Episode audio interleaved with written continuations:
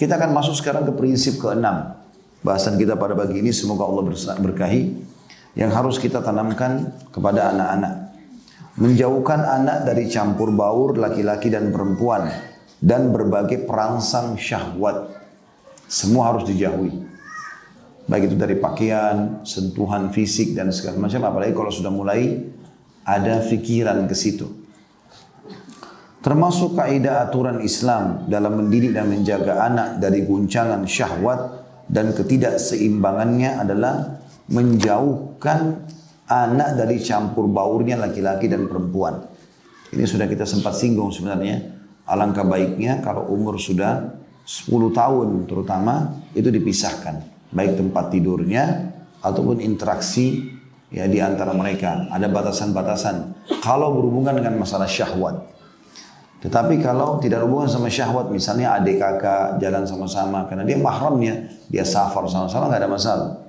Tapi kalau sudah berhubungan dengan masalah syahwat, misal adik perempuannya pakai baju seksi di depan kakaknya, gitu kan, uh, atau uh, tonton nonton sama-sama ke bioskop, walaupun adik kakak, atau menonton di rumah tapi film-film yang ya, ter, terjurus kepada uh, syahwat, semua ini hukumnya tidak dibolehkan.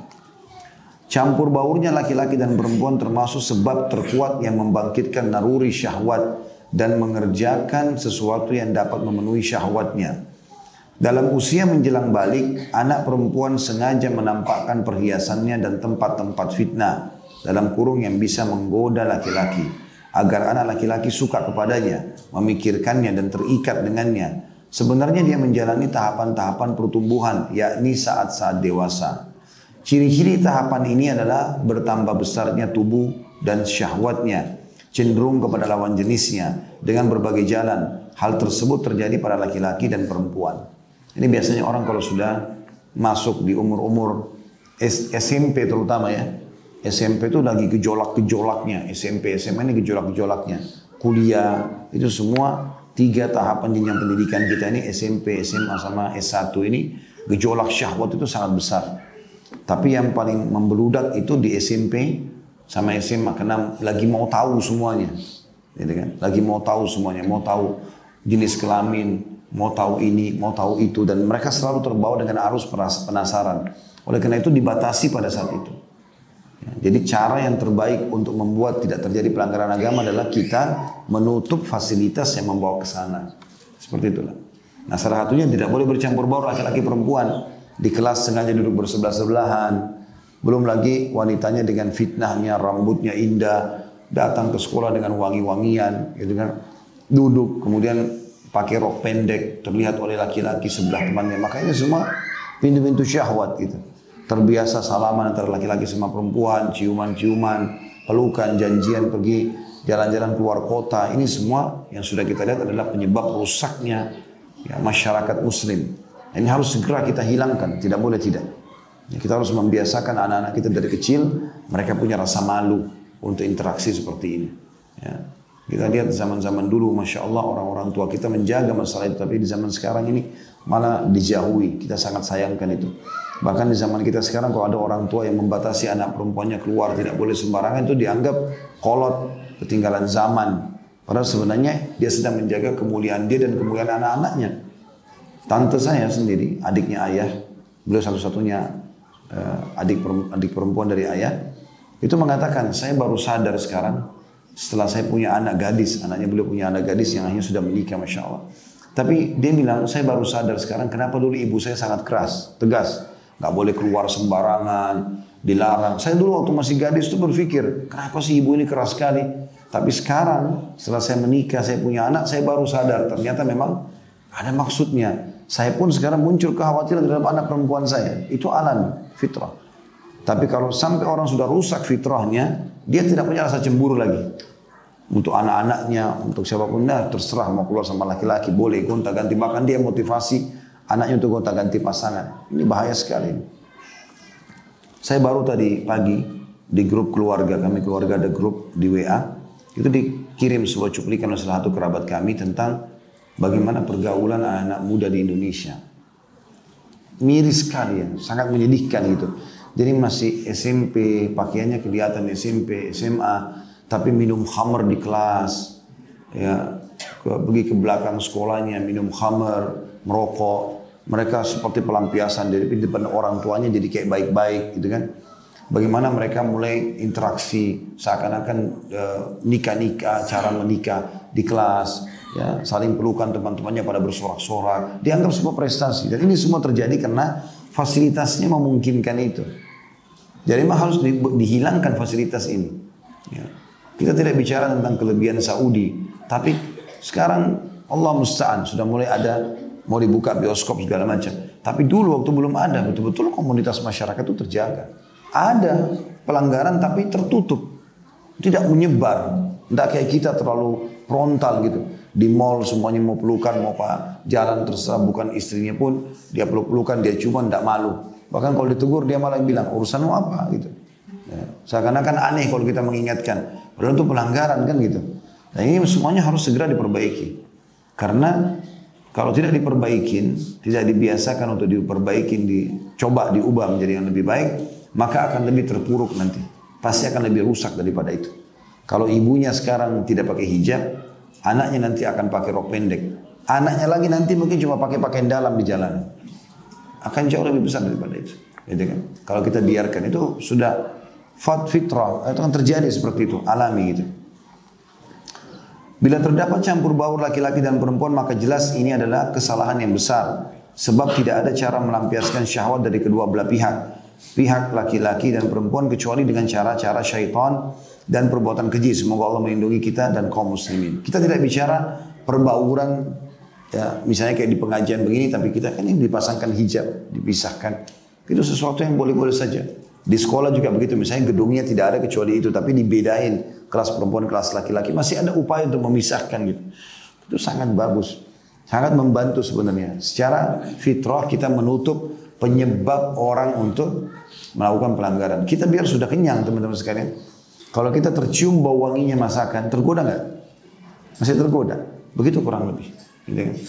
Dan tidak mungkin perempuan, anak perempuan kita pakai pakaian yang dengan seksinya, dengan wanginya di datang ke sekolahnya di SMP, SMA misalnya habis mandi, rambutnya terurai, lalu kemudian temannya laki-laki sudah tidak terpengaruh. Mustahil. Itu sangat mustahil. Harusnya orang tuanya faham itu. Pasti bisa diganggu oleh teman-teman laki-laki. Gitu kan? Begitu juga dengan anak laki-lakinya dan seterusnya. Ini akan terjadi, maka kita harus menutup pintu-pintu itu. Kalau memang mau menyelamatkan anak ya, berharap anak-anak ini menjadi orang-orang yang baik ya orang-orang yang baik yang bisa menjadi amal jariah buat kita mereka masih hidup saja bisa berbakti begitu juga mereka sudah meninggal gitu kan mereka juga sudah meninggal akan dapat manfaat ya saya sendiri mengambil pelajaran dari diri saya saya kalau tidak belajar agama misal dan saya tidak mengajar seperti ini mungkin pahala yang sampai ke orang tua saya tidak seperti kalau sekarang gitu kan karena walaupun beliau-beliau tidak mengajarkan saya secara langsung, saya dikirim, belajar segala macam. Tapi dengan saya mengajar begini, saya lahir dari sperma ibu ayah saya dan lahir dari dari rahim ibu saya. Otomatis mereka tetap dapat pahala.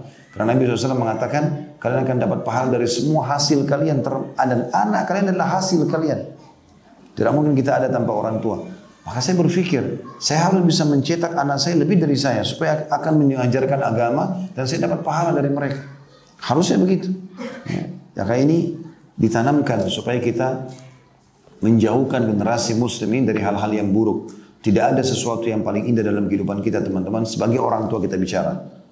Kalau kita mendapatkan anak kita hafal Al-Quran, ya mereka sholat malam, kita masuk ke kamarnya dia lagi wudhu jam 3 subuh, jam 3 malam, setengah 4 sholat tahajud. Itu membahagiakan sekali.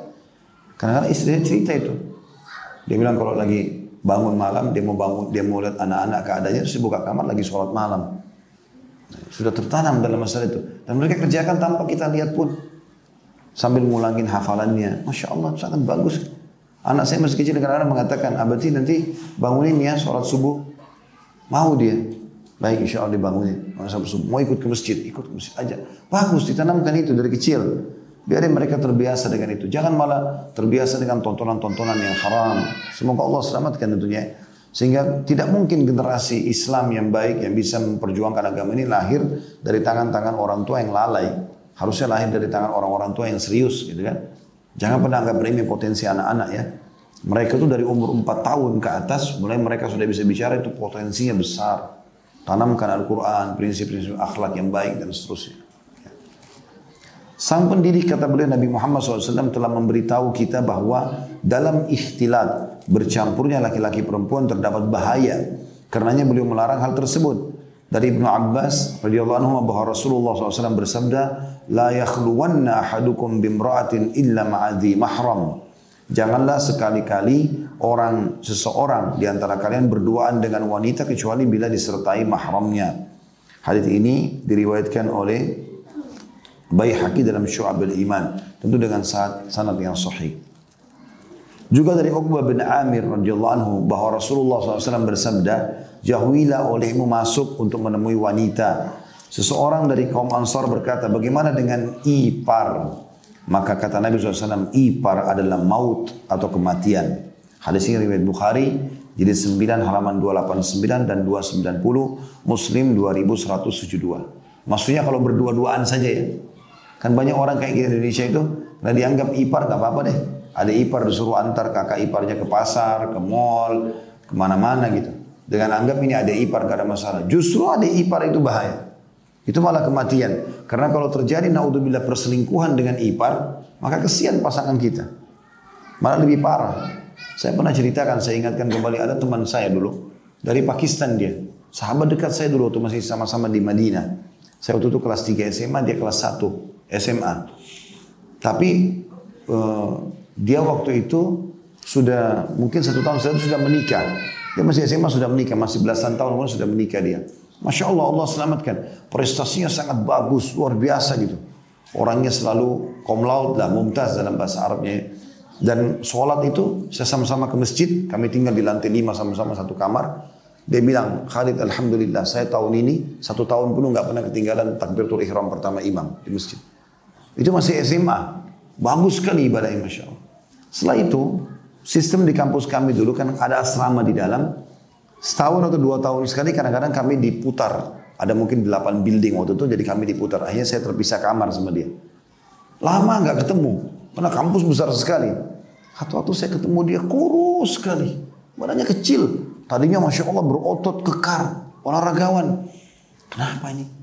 Saya ketemu dia, saya mengatakan, kenapa ada apa ini? Dia bilang Khalid saya ada. Saya pertama tanya dulu, apakah usi fulan? Karena sahabat dekat saya tapi berubah. Pipinya jadi kecil sekali, badannya kurus. Berubah total. Kayak orang kena penyakitan gitu. Kenapa kamu ini? Tadinya berotot, Masya Allah, segar sekali orangnya. Dia bilang Khalid, saya, iya saya si fulan. Kalau, kalau kamu ada waktu di kamarmu, saya mau datang, saya mau cerita. Oh ya, silakan, fadlan. Datang nanti insya Allah setelah isya. Nah, habis sholat isya di masjid kampus, kami ketemu lah dia. Baru dia cerita. Ternyata dia cerita, permasalahan dia memang kalau menurut saya berat. Dia mengatakan, kamu tahu kali saya sudah menikah. Saya masih muda, dua tahun, tiga tahun lalu. Saya bilang, iya betul. Waktu itu kamu sudah cerita. Tapi tentu keluarganya ada di, di negaranya ya. Dan kamu tahu sendiri di sini kita pulangnya setahun sekali dia bilang. Jadi rupanya kami kan di kampus itu kalau mau dapat tiket gratis kita harus lulus dan nanti di tiket gratis ya, dikasih tiket gratis sama pemerintah Saudi gitu. Asal lulus ya kalau tidak lulus tidak dapat gitu. Kalau mau pulang di pertengahan tahun bisa tapi beli tiket sendiri biasanya agak mahal. Jadi teman-teman mahasiswa yang sudah menikah biasanya itu pulangnya setahun sekali. Dan nanti dia ketemu istrinya setahun sekali. Ketemunya cuma dua bulan, liburan terus pulang lagi. Jadi nggak ketemu lagi 10 bulan ke depan, begitulah. Sudah cerita dia bilang, istri saya seorang wanita yang baik. Tapi dia tinggal serumah sama orang tua saya karena saya belum punya rumah. Di rumah itu ada kakak iparnya, kakaknya si teman saya ini. Laki-laki sudah menikah juga gitu. Awalnya baik-baik saja hubungannya. Tapi dia bilang, saya pulang kemarin, saya ketemu sama istri saya, dia merasa berdosa, hanya dia mengaku. Kalau selama ini sering diganggu sama kakak ipar.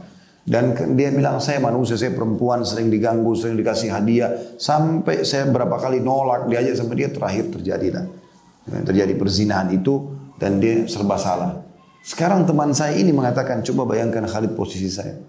Ini kakak saya, ini istri saya. Siapa yang saya mau salahkan, siapa yang saya mau dukung. Itu yang dimaksud dengan kata Nabi SAW, ipar adalah kematian. Kalau orang lain yang melakukannya kita usir dia, tidak ketemu, kita pindah kota selesai. Ini kakak, adik, nggak bisa berpisah. Makanya bahaya sekali kan. Tapi banyak orang tidak paham itu. Bahkan Nabi sudah ingatkan. Jadi Nabi SAW mengatakan hadisnya, perhatikan, jangan sekali-kali seseorang di antara kalian di sini Nabi ingatkan laki-laki berduaan dengan wanita kecuali bila disertai mahram. Ada mahramnya, ada hajat, rame-rame, gitu kan? Sehingga dia malu untuk melakukan perbuatan yang salah gitu. Lalu Uqbah bin Amir berkata, seseorang dari Ansar bilang, bagaimana kalau ipar duduk makan sama-sama segala macam. Kata Nabi SAW justru ipar itu kematian. Kalau terjadi nanti malah lebih berat buat kamu. Itu contohnya. Subhanallah, jadi saya tahu ternyata teman saya jadi kurus badannya, jadi kepikiran gara-gara ini. Sampai akhirnya waktu itu saya sarankan dia. Karena dia akhirnya bilang, saya nggak ada pilihan lain kecuali saya harus ceraikan istri saya. Apalagi saya pulang ke sini, dia tetap tinggal satu rumah. Kalau saya ceraikan kan dia bisa keluar dari rumah itu. Maka dia bilang saya ceraikan. Lalu dia bilang apa saran Khalid? Saya bilang saran saya menikah saja. Obatin diri kamu sekarang dengan menikah. Padahal waktu itu memang saya pun masih bujang. Ya. Cuman saya berlihat masalahnya orang ini dia harus menikah karena kan dia sudah mencoba biologis itu kan gitu. Maka itu tuh inisiatif saya. Saya masih tingkat satu kuliah setelah itu atau dua tingkat dua kuliah saya kasih uh, solusi itu. Terus dia bilang iya memang di Madinah ini ada pengusaha orang Pakistan menawarkan saya nikah sama saya. Saya bilang Bismillah nikah saja. Setelah itu sudah saya tidak tahu perkembangannya. Tapi saksi bahasan dia akhirnya sangat terpukul gara-gara terjadi perselingkuhan antara istrinya sama kakaknya sendiri. Nah, ini bahasa ipar ini. Ya, ini hati-hati. Karena banyak orang begitu. Dia alasan sibuk kantor, suruh adiknya antar istrinya. Suruh kakaknya antar istrinya nggak apa-apa. Kecuali kalau si kakak ini punya istri juga lagi ikut sama-sama rame-rame ngantar itu lain. Tapi berdua-duaan di mobil, tutup kaca AC, ngobrol-ngobrol, terus dianggap tidak ada apa-apa. Ini bahaya sekali semua. Larangan-larangannya sangat jelas dalam masalah ini. Sebelumnya kata beliau Allah Ta'ala sudah berfirman dalam surah Al-Ahzab ayat 53. A'udzu billahi minasyaitonir rajim wa idza sa'altumuhunna mata'an fas'aluhunna min wara'i hijab. Dan apabila kalian meminta sesuatu keperluan kepada mereka, maksudnya para istri Nabi, maka mintalah dari belakang hijab. Jadi tidak interaksi secara langsung kalau berduaan saja. Tapi kalau umum di pasar, Ibu-ibu mau beli ayam dari seorang Pak Haji yang jual ayam atau itu lain, umum. Dan tidak mungkin orang beli ayam bicara syahwat gitu kan. Tapi yang dimaksudnya adalah orang berdua-duaan, teman kantor, pergi makan siang sama-sama, alasan teman kantor, tugas keluar kota sama-sama, nginap di hotel bersebelahan kamar. Ini omong kosong semua. Gitu kan. Pasti namanya manusia. Syahwat tidak bisa dipungkiri masalah itu. Kalau yang satu bisa bertahan dengan keimanannya, syaitan akan goda yang lemah imannya untuk menggoda temannya. Itu bisa terjadi. Pura-pura mau butuh ini, butuh charger, butuh apa, butuh ini, terus terjadilah hal yang tidak diinginkan. Dari Jarir radhiyallahu anhu dia berkata, aku bertanya kepada Rasulullah SAW tentang pandangan secara tiba-tiba. Di situ ada putnot nomor 107 pandangan yang tanpa disengaja. Maka beliau SAW bersabda, palingkan pandanganmu. Jadi kalau kita tahu ini bahaya, fitnah buat kita, jangan. Ya, ya. Untuk melihat. Dari Ummu Salamah radhiyallahu dia berkata, aku pernah berada di sisi Rasulullah SAW dan di sisi beliau juga ada Maimunah. Lalu datanglah Ibnu Ummu Maktum.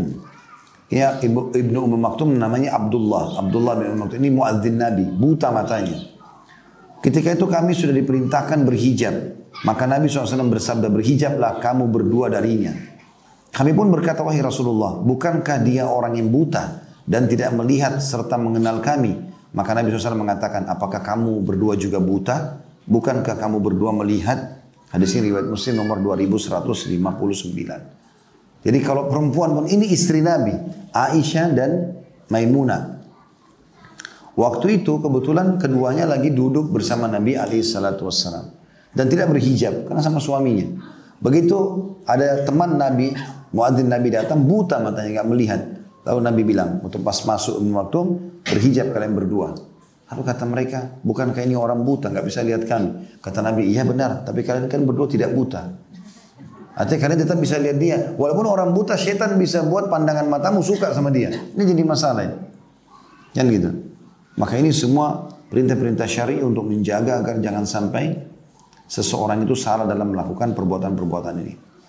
Juga dalam hadis Nabi SAW, La yakhluwanna rajulun bimra'atin illa kana thalithuhuma syaitan. Tidaklah seorang laki-laki berduaan dengan seorang wanita, melainkan yang ketiganya adalah syaitan. Hadis ini diriwayatkan oleh Abu Dawud, Tirmidzi dan dikatakan Hasan Sahih. Ya. Jadi kalau sudah berduaan ya, di tempat-tempat yang sunyi segala macam itu sudah sulit dibahasakan lagi ini orang jelek atau ini orang bau atau ini orang apa. Syaitan akan menghiasi semua itu. Kalau nggak salah ada sebuah asar itu berbunyi begitu ya. Kalau seseorang memandang ke uh, lawan jenisnya, ya tentu bukan dengan tujuan-tujuan yang diperlukan. Maksudnya ini adalah sengaja memang dia mau lihat syahwat atau apa gitu. Maka syaitan akan menghiasi di mana matanya memandang. Apakah di kulitnya, apakah di matanya, apakah di bibirnya, apakah di dadanya, sampai ada yang nyantol. Kalau sudah nyantol, maka syaitan jadikan sebagai sebuah senjata. Supaya dia selalu jadikan itu sebagai pegangan atau dijadikan pegangan untuk menggoda dia gitu. Dan ini pasti akan terjadi pada saat orang cuma berduaan. Umum gitu kan. Dari Ibnu Umar radhiyallahu anhu dari Rasulullah SAW juga beliau bersabda la yadkhulanna rajulun ba'da yaumi hadha ala mugibatin illa ma'ahu rajulun aw Janganlah seseorang laki-laki masuk kepada wanita yang ditinggal suaminya setelah hari ini kecuali bersama seorang laki-laki atau dua orang laki-laki. Ada sini riwayat Muslim di tempat halaman 1711. Jadi kalau misalnya ada hajat, ada orang mau jual rumah, ya. Kemudian yang jual rumah itu seorang ibu janda. Dia memperlihatkan rumahnya, rumahnya kosong, nggak ada orang. Maka tidak boleh kita sendiri laki-laki yang datang, saya mau lihat berdua. Ajak orang lain. Sehingga ada orang ketiga, orang keempat gitu. Ini akan membuat nanti ada tameng tersendiri. Itu pun dalam keadaan darurat tentunya. Itu pun dalam keadaan darurat. Kita juga sudah tahu kita akan interaksi jual beli dengan seseorang lawan jenis. Maka alangkah baiknya ada orang lain yang bersama kita. Ada orang lain yang bersama kita sehingga tidak berduaan saja di sebuah ruangan yang tertutup dengan ditawarkan produk ini dan produk itu. Jadi selalu saja ada orang yang ketiga. Seperti itulah. Oleh karena itu tidak boleh seseorang menyendiri dengan wanita asing baik di rumah, di kamar ataupun di mobil. Saat ini kebanyakan orang meremehkan masalah tersebut. Karenanya akibat yang dihasilkan adalah terlibatnya perbuatan keji. Terjadinya perbuatan keji, baik sekedar permulaannya atau lebih parah dari itu. Oleh karena itu kami ingatkan setiap pendidik agar waspada terhadap campur baurnya laki-laki dan perempuan. Bahkan tingkatan yang paling terdekat disebut oleh Nabi SAW sebagai maut atau ipar tadi ya. Itulah ipar, yakni kerabat suami atau istri. Lalu bagaimana dengan masuk menemui tetangga, teman, sopir, pembantu, dan lainnya. Hingga masuk dalam rumah tersebut ketika suaminya tidak ada. Ya, jadi termasuk adabnya, bapak-bapak pun, kalau misalnya punya pembantu di rumah, terus istrinya lagi tidak ada, dia sampaikan kepada istrinya, saya akan pulang, tolong ada di rumah, atau ada siapa, bukan cuma berdua sama pembantunya misalnya. Itu juga dengan ibu-ibu hanya berdua dengan supirnya. Dia berusaha ada orang lain. Tetap walaupun dikatakan tapi jelek kok, tua kok itu syaitan bisa mengubah itu menjadi muda dan cantik, gagah su. Syaitan bisa hiasi.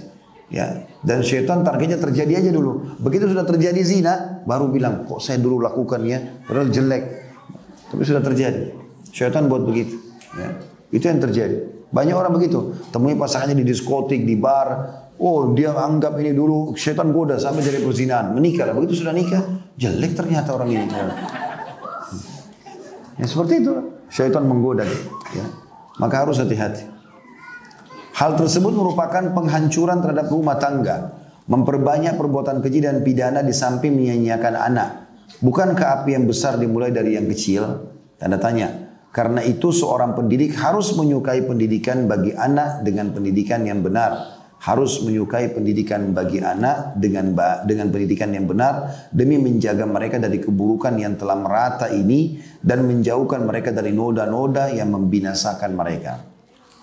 Sebagaimana musuh-musuh Islam membuat makar terhadap Islam siang dan malam melalui berbagai media yang menghancurkan, membangkitkan nafsu birahi dan syahwat, baik melalui koran atau majalah porno yang menyumbar syahwat, Lalu mereka mengadakan berbagai sarana, mengadakan berbagai sarana yang menjelaskan tentang kemajuan dan peradaban. Yang mana hal tersebut bisa merugikan Islam dan kaum muslimin. Seperti parabola, saluran televisi dari barat dan timur yang buruk. Yang tidak memperhatikan kehormatan lagi dan tidak berhenti sesuai, tidak berhenti sesuai batas. Di dalamnya terdapat perbuatan keji dan pelacuran. Hal itu sebenarnya tidak asing lagi buat mereka. Bukan berarti setelah kekufuran tidak ada dosa, namun ini adalah cara mereka merusak generasi Islam. Kita tahu, contoh misal di negara kita terjadi itu. Ya, kalau muncul ada seseorang muslimah ya menonjol di sebuah bidang, apalagi kalau sudah pakai jilbab, wah itu luar biasa disokong supaya kesannya memang oh nggak apa-apa muslimah tampil seperti ini. Tampillah menjadi penyanyi ini, menjadi penyanyi itu. Padahal alam penyanyi ini sudah masuk ke alam-alam yang menyentuh ke sana. Sulit sekali untuk dipisahkan antara alam nyanyian dengan karaoke, Karaoke sahabatnya, saudaranya adalah diskotik. Ya. Diskotik itu pasti ada minuman keras, ada begitu semua rentetannya itu satu paket. Sebagaimana Bapak Ibu kalau ke masjid, rentetannya majelis ilmu, majelis ilmu, masjid, orang baik-baik itu begitu. Dan tidak mungkin bisa pindah orang baik-baik ke diskotik, itu susah. Tapi di majelis ilmu ya, di masjid iya, memang tempatnya. Mereka tidak mungkin melangkahkan kaki situ kalau kecuali mereka memang alamnya di situ. Masjid dikenal tempat ibadah, majelis ilmu tempat ibadah, gitu kan, silaturahim keluarga, gitu gitulah. Tapi kalau sudah diskotik, bar segala macam ini sudah begitu. Kalau anaknya tidak pakai hijab, ibunya pakai hijab, ditampilkan ibunya di orbit supaya memang kesannya nggak apa-apa nih, muslimah begitu dan begini. Ini bahaya. Bahkan sudah tidak asing di media kita bahkan sudah masuk itu uh, para perempuan-perempuan yang tidak benar disuruh berhijab, dibayar untuk berhijab. Ya. Naudzubillah, ini berbahaya, gitu kan? Dibayar berapa jam untuk berhijab, tampil di pinggir jalan, menerima orderan dari laki-laki yang tidak benar, supaya kesannya oh, orang pakai jilbab juga nggak apa-apa. Kalau kita telusuri orang-orang ini ternyata bukan muslimah, ataupun muslimah yang memang sengaja dibayar untuk itu, hanya untuk merusak citra Islam. Mestinya hijabnya akhwat kita muslimah ini membuat mereka bertakwa kepada Allah SWT. Jadi takut berbuat dosa. Bukan malah sengaja pamer dengan jilbab bisa pakai ini, melakukan ini dan lakukan itu. Apalagi kalau sampai kepada film-film yang naudzubillah porno dan yang lain-lain ini semua ini berbahaya sekali, merusak citra Islam itu. Kata beliau, karenanya seorang pendidik yang berhasil harus menjauhi makar-makar syaitan. Makar-makar musuh Islam, menjauhi campur baur laki-laki dan wanita, serta menjauhkan perangsang-perangsang syahwat sejak dini. Bila anak sudah memegang prinsip tersebut sejak kecil, tentunya dia akan jauh dari bahaya dan terbiasa dengan prinsip itu. Campur baur ini telah dikeluhkan oleh pihak keluarga yang berada di barat. Mereka memulai untuk mewujudkan sekolah-sekolah khusus buat wanita. Di Australia pernah saya pergi itu hari, beberapa negara juga di Eropa, itu memang ada sekolah-sekolah mereka buat sengaja untuk wanita. Karena jangan sampai ya terjadi pelecehan-pelecehan yang sudah banyak terjadi di sekolah-sekolah umumnya. Itu juga mereka coba membuat gerbong-gerbong kereta yang khusus untuk wanita. Padahal ini negara non muslim. Karena mereka melihat banyaknya pelecehan-pelecehan yang terjadi. Bahkan karena lemahnya mereka dari sisi keimanan gitu kan. Apalagi memang orang non muslim. Mereka lakukan biologis di kereta, di mana-mana, orang-orang lain tidak ada masalah. Bagi mereka bukan hal yang buruk gitu. Supaya itu makin menyebar. Ya, ini kerusakan yang luar biasa. Tapi akhirnya mereka sendiri sadar secara fitrah. Mereka mengadakan sekolah-sekolah yang khusus untuk wanita. Ya. Saya ulangi, campur baur ini telah dikeluhkan oleh pihak keluarga yang berada di barat. Mereka memulai untuk mewujudkan sekolah-sekolah khusus buat wanita. Demikian juga buat laki-laki. Mereka menemukan adanya kerusakan moral tersebar pada putri-putri mereka yang masih tergolong muda sekali hingga yang berusia 7 dan 10 tahun. Mereka dapati gadis-gadis setelah bercampur baur berduburan perbuatan keji yang membuat mereka kembali memakai aturan Islam dalam mendidik dan tidak adanya perbauran meski sebenarnya mereka kafir kepada Islam. Namun mereka hanya mengamalkan prinsip-prinsipnya dalam pendidikan dan mereka telah menyodorkan berbagai kerusakan dengan berbagai bentuknya. Saudaraku yang mulia, kata beliau, mintalah pertolongan kepada Allah dalam mendidik anak-anakmu. Jauhkanlah mereka dari campur baur lawan jenis, baik dalam kunjungan-kunjungan mereka, ketika di masyarakat, dan dalam segala kondisi. Karena hasilnya adalah sama. Semoga Allah menjaga kami dan anda, serta seluruh anak-anak kaum muslimin yang Allah, ya Allah kabulkanlah kata beliau. Intinya beliau sedang menitik beratkan tentang masalah tidak bolehnya membiarkan ikhtilat bercampur baurnya antara laki-laki dan kedua terutama khalwat atau berduaan. Ya